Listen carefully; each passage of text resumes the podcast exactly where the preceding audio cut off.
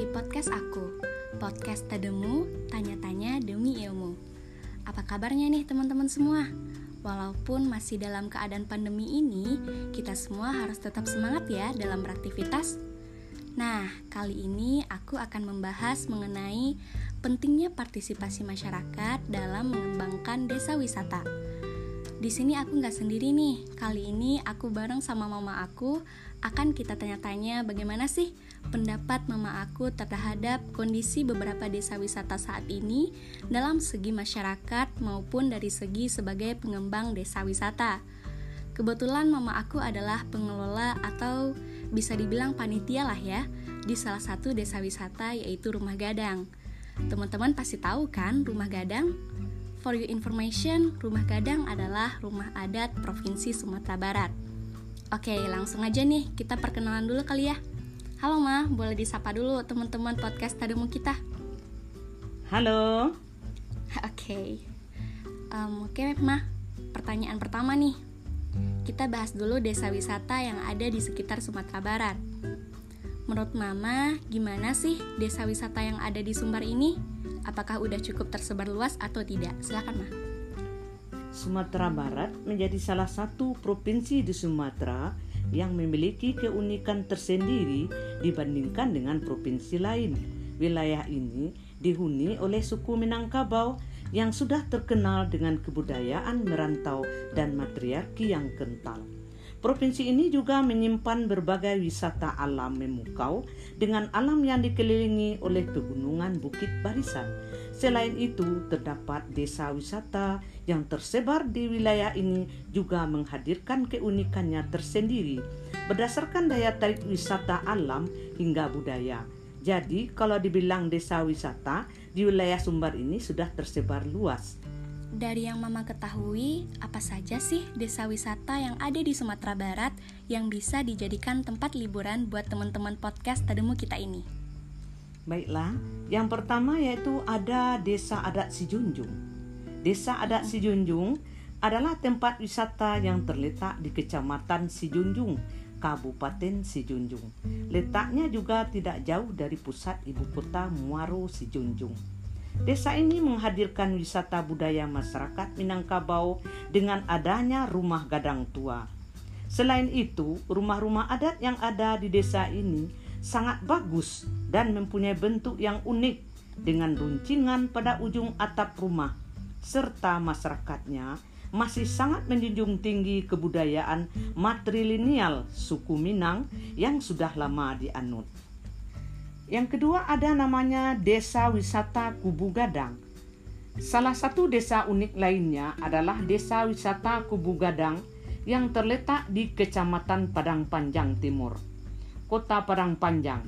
Berbagai atraksi disajikan di desa ini seperti silek lanyah yang merupakan seni bela diri asli dari Minang serta adanya pagelaran seni serta beragam tarian tradisional.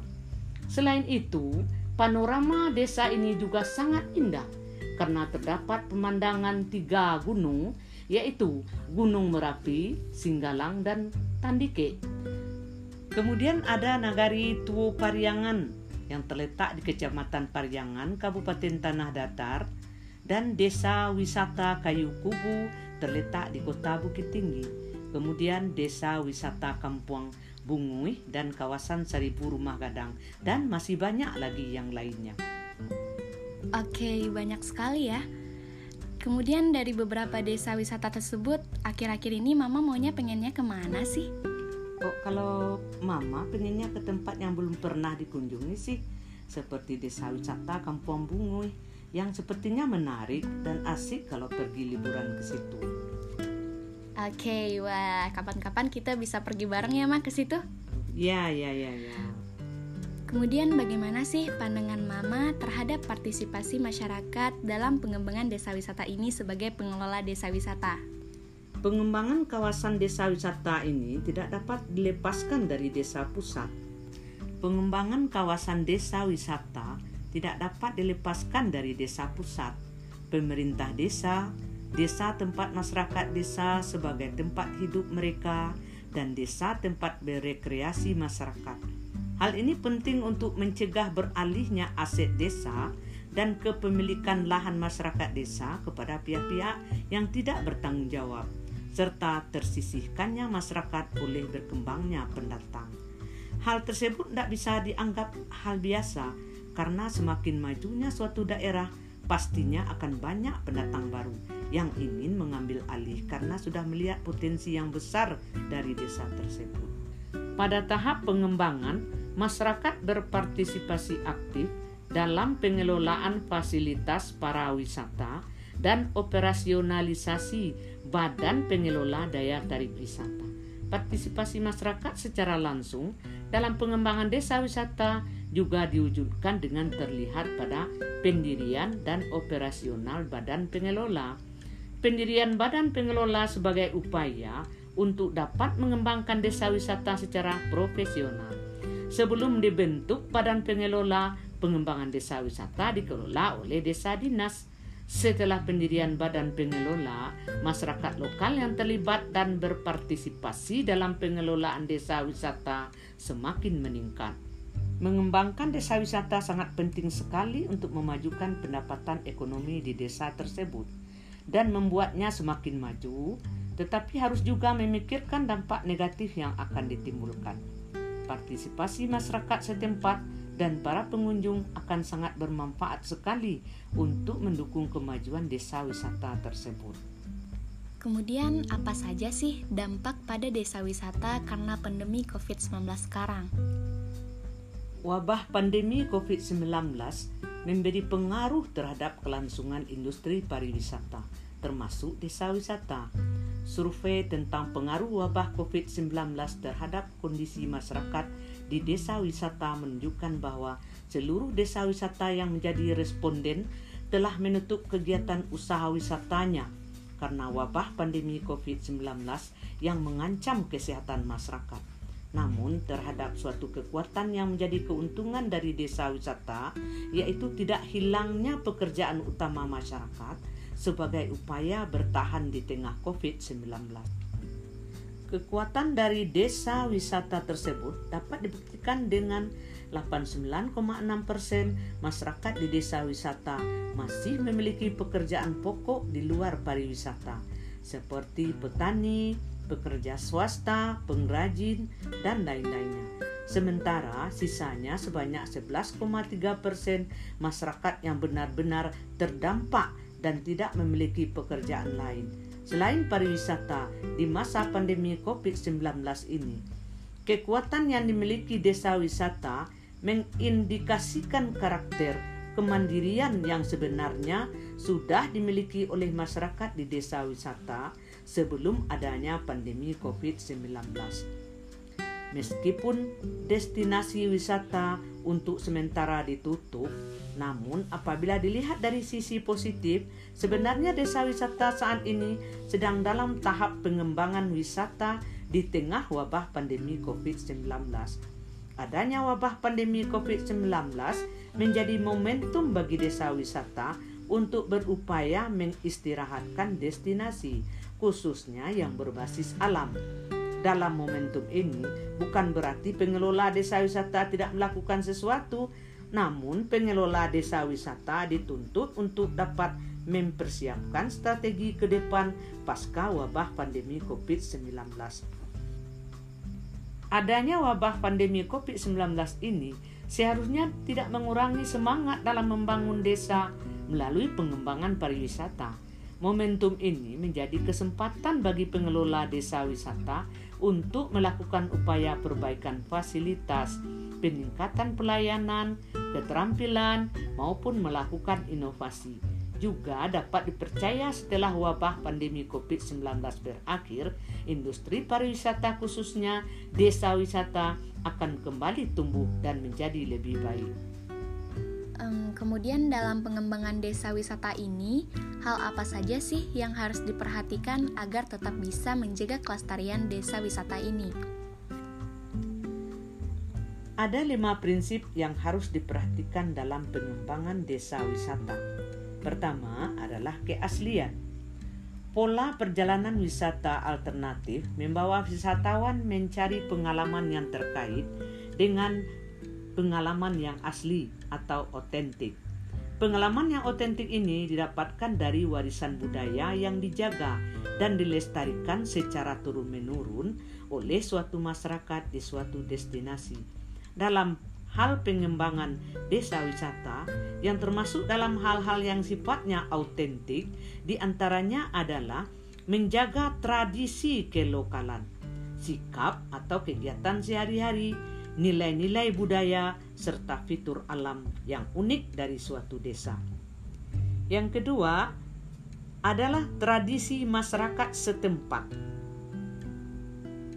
Desa wisata menyeratkan makna tradisi masyarakat setempat yang kuat. Tradisi merupakan sesuatu yang berakar dan melekat dengan kehidupan masyarakat di suatu daerah yang menjadi ciri atau karakter budaya yang dipelihara dari waktu ke waktu. Tradisi harus tetap dijaga dan dilestarikan karena selain untuk menjaga identitas dari suatu masyarakat, tradisi yang kuat juga akan menjadi perhatian dan daya tarik sendiri bagi wisatawan. Dalam hal ini, desa wisata tradisi masyarakat ini dapat berupa suatu kearifan lokal, adat istiadat, kesenian musik maupun seni tari, pakaian adat, serta makanan khas dari suatu desa wisata. Kemudian yang ketiga adalah sikap dan nilai. Sikap dan nilai suatu kebudayaan perlu dijunjung tinggi, terutama oleh masyarakat setempat untuk menghindari degradasi nilai akibat pengaruh buruk yang dapat ditimbulkan dari kunjungan wisatawan.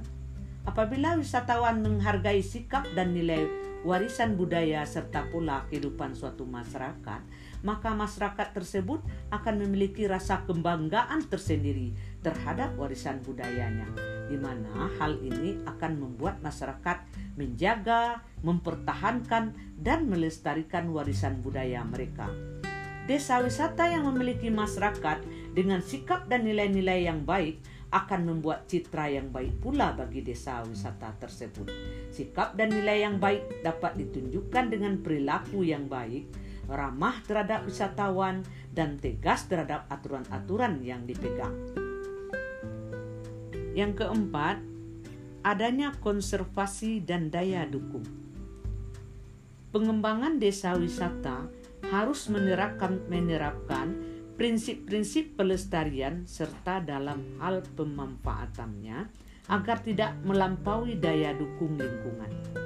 Hal ini penting agar dengan berjalannya pembangunan pariwisata, kapasitas maksimum daya dukung dari suatu destinasi dalam menyokong kebutuhan berbagai pemanfaatan tidak akan merusak alam budaya maupun lingkungan. Dalam pengelolaan desa wisata, upaya konservasi dapat dilakukan dalam pengaturan pola kunjungan, zonasi kawasan, serta penetapan daya dukung fisik atau lingkungan dan non-fisik atau budaya dan masyarakat. Oke, kalau boleh tahu nih mah, apa saja sih yang harus kita lakukan ke depannya sebagai masyarakat atau pengelola desa wisata dalam hal upaya pengembangan desa wisata?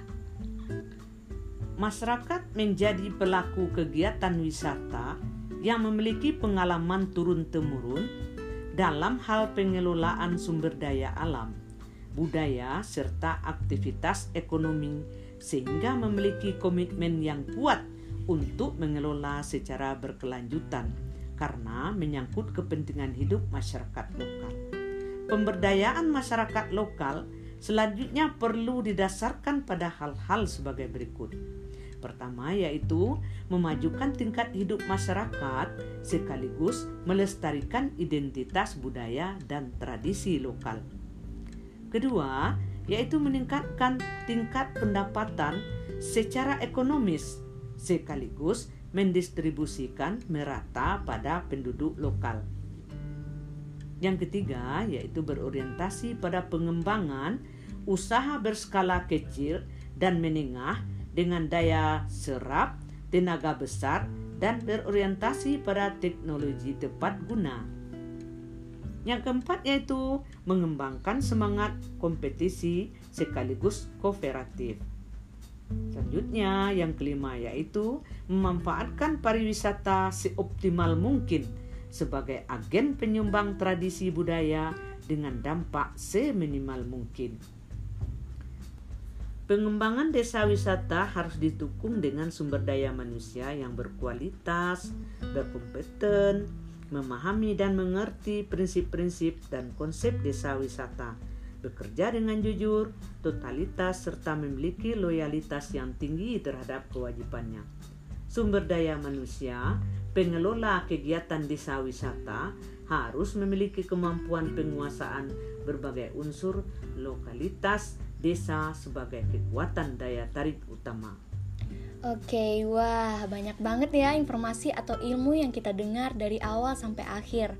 Uh, makasih nih Mama udah luangin waktunya buat podcast Tademu buat sharing-sharing ke teman-teman semuanya. Semoga informasi tadi bermanfaat ya buat teman-teman Tademu. Oke, sampai jumpa lagi ya teman-teman semuanya. Terima kasih sudah mau mendengarkan. Dadah.